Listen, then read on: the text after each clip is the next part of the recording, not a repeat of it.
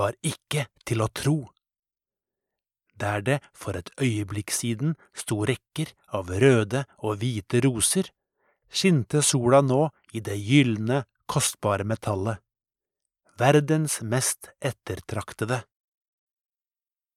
Kong Midas plukket gullroser til favnen var full, og beundret med drømmende blikk sin nye formue. Han kom til å bli verdens rikeste og mektigste. Ingenting var nå umulig.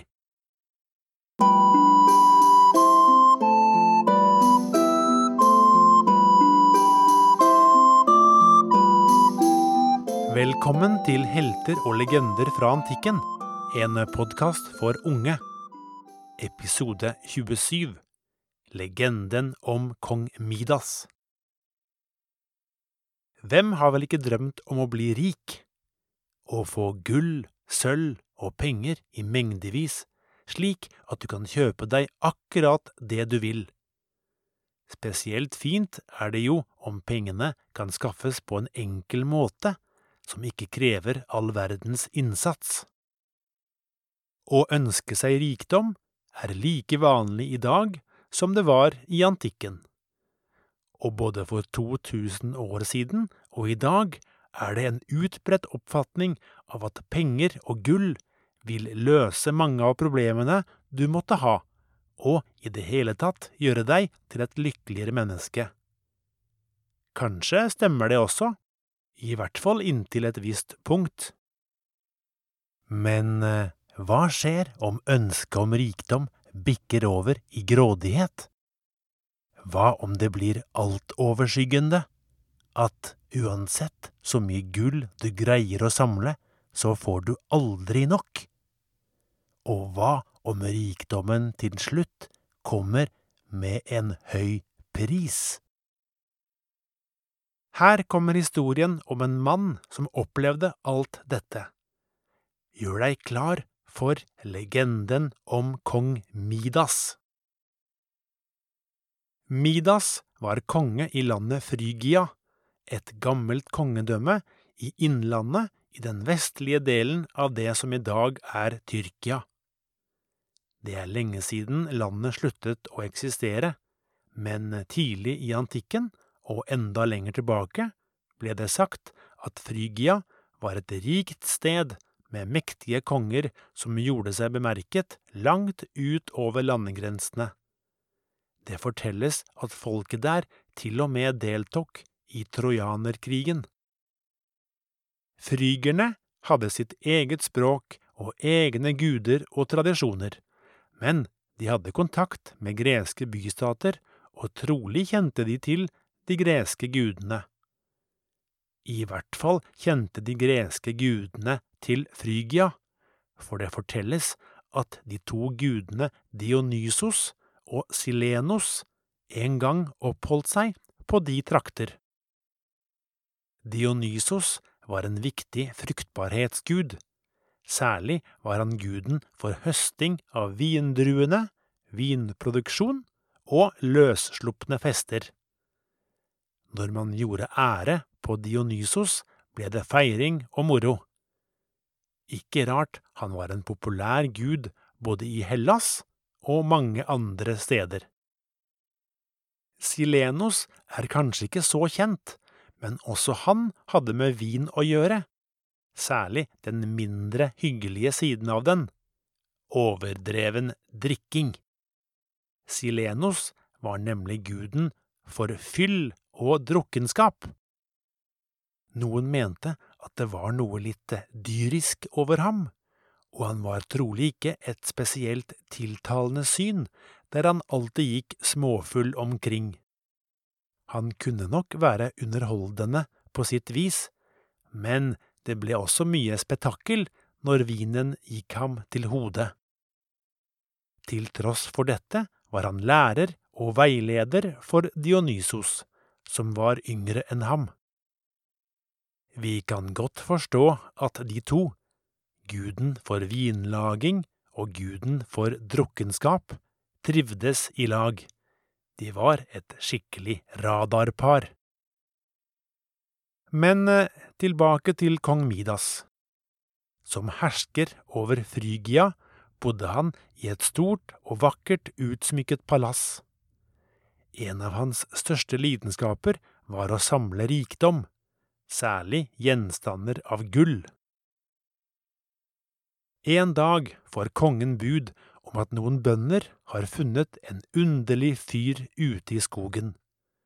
Sendebudet forteller at han virker både bortkommen og forvirret.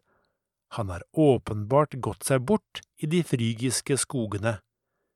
Og han lukter intenst av vin, så det er tydelig at han er glad i det søte liv. Den underlige fyren er Silenos. Kongen blir nysgjerrig og gir ordre om at mannen skal bringes fram for ham. Ikke lenge etter kommer tjenerne bærende på en tung skikkelse. Det er den mystiske fremmede, som rett og slett har falt i søvn. Kongen lar mannen sove rusen ut i et av palassets mange værelser. Når mannen omsider våkner, kjenner han seg ikke igjen. Han har vanskelig med å huske alt som skjedde dagen før, og han undres hvor han er havnet. Kongen svarer tålmodig på alle spørsmål og får medynk med den bortkomne stakkaren. Men underveis i samtalen forstår han også at den som han har foran seg, er en underholdende type, med talent både for historiefortelling og sang. Kong Midas inviterer ham derfor til å tilbringe noen dager i palasset. De kan trenge en som kan live opp stemningen og få fram litt smil og latter. God mat og drikke vil det også bli. Silenos sier ikke nei takk til et slikt generøst tilbud, og snart gir palassets haller gjenlyd av fest og moro. Men eh, utenfor Frygias grenser er det en som slett ikke har det moro. Dionysos er kjempebekymret. Han kan for sitt bare liv ikke finne følgesvennen sin. Han har lett og lett etter Silenos, men han er som sunket i jorden. Riktignok har det også tidligere hendt at han under en heidundrende fest har forvillet seg ut i skogen, men han vender alltid tilbake dagen etter. I palasset har det nå gått ti dager med morsomme historier, vitser og sang. Det er lenge siden kong Midas og resten av hoffet har hatt så god underholdning. Den ellevte dagen er det på tide for Silenos å vende hjem. Kongen er selv med i følget som eskorterer ham gjennom Frygias dype skoger og over grensen til nabolandet. Ganske snart møter de Dionysos, som blir fra seg av glede over å kunne gjenforenes med sin kjære følgesvenn. Så glad og takknemlig er han at han tilbyr kong Midas en gave. Og ikke en hvilken som helst gave. Som belønning for den godheten kongen har vist, skal han få hva han måtte ønske hva som helst. Dionysos er en gud og har de magiske kreftene som skal til for å oppfylle alle ønsker. Midas tenker seg ikke lenge om. Jeg vil at alt jeg tar i, blir til gull, sier han. Det er greit, ønsket ditt er herved oppfylt, svarer Dionysos. Kongen kan nesten ikke tro at det er sant. På veien tilbake tester han ut om den nye egenskapen faktisk virker. Han tar på en eikegren. Den blir straks til gull. Like etter tar han på en stein. Og så den forvandles til det gylne metallet. Full av begeistring rir kongen inn i palasset. Det første han gjør, er å besøke rosehagen. Han berører rose etter rose etter rose, som alle blir til skinnende gullroser. Midas beordrer tjenerne til å dekke bordene og forberede en skikkelig fest. Han har nå alle muligheter til å bli den rikeste kongen verden noensinne har sett. Dette må feires med god mat og drikke. Det er med et drømmende blikk kongen inntar plassen sin midt blant de feststemte og forventningsfulle gjestene. Aldri har han følt slik stolthet og lykke. En velduftende kjøttrett bæres frem foran ham. Begeret hans fylles med søt vin. Men eh, når kongen berører maten, skjer det uunngåelige. Kjøttet forvandles straks til gull. Det er hardt som stein og umulig å spise. Han forsøker å ta for seg av de andre rettene på bordet, men akkurat det samme skjer.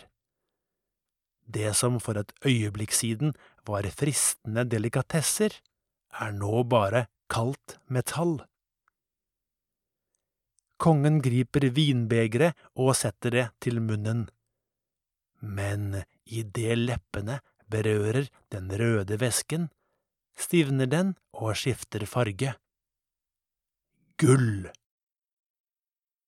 Desperasjon og frykt griper kongen. Han forstår at han har begått sitt livs største dumhet, og han forbanner alt gullet han har skaffet seg. Han innser at han snart vil sulte i hjel hvis den gylne berøringen hans ikke opphører.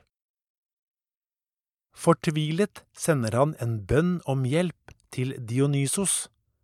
Siden det var han som ga ham denne egenskapen, må guden også kunne ta den vekk. Heldigvis vet Dionysos råd. Han forteller at magien vil forsvinne kongen oppsøker en spesiell elv og vasker hendene i vannet. Kongen styrter av sted og gjør akkurat som Dionysos sa, og straks oppheves magien. Kongens berøring er blitt menneskelig igjen. Han kan spise og drikke som før, og livet hans er reddet. Det er som å bli født på ny. Lærepengen kong Midas har fått, sitter dypt. Så dypt at han legger om livet totalt. Han vil ikke lenger være en mektig konge som omgir seg med rikdom og luksus. Han snur derfor ryggen til sin gamle tilværelse og flytter ut i skogen for å leve et jordnært og enkelt liv. Snart begynner han å tilbe skogguden Pan. Og årene går. Snart er hendelsen med den gylne berøringen et fjernt minne. Slik ender legenden om kong Midas. Ikke all rikdom er en velsignelse. Det er viktigere ting i livet enn penger og gull.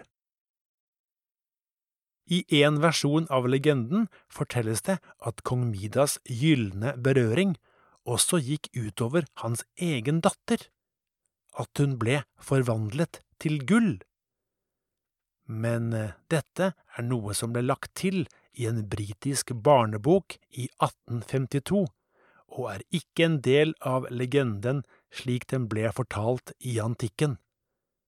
Men eh, det er klart, med datterens liv på spill blir historien kanskje enda mer dramatisk enn originalen.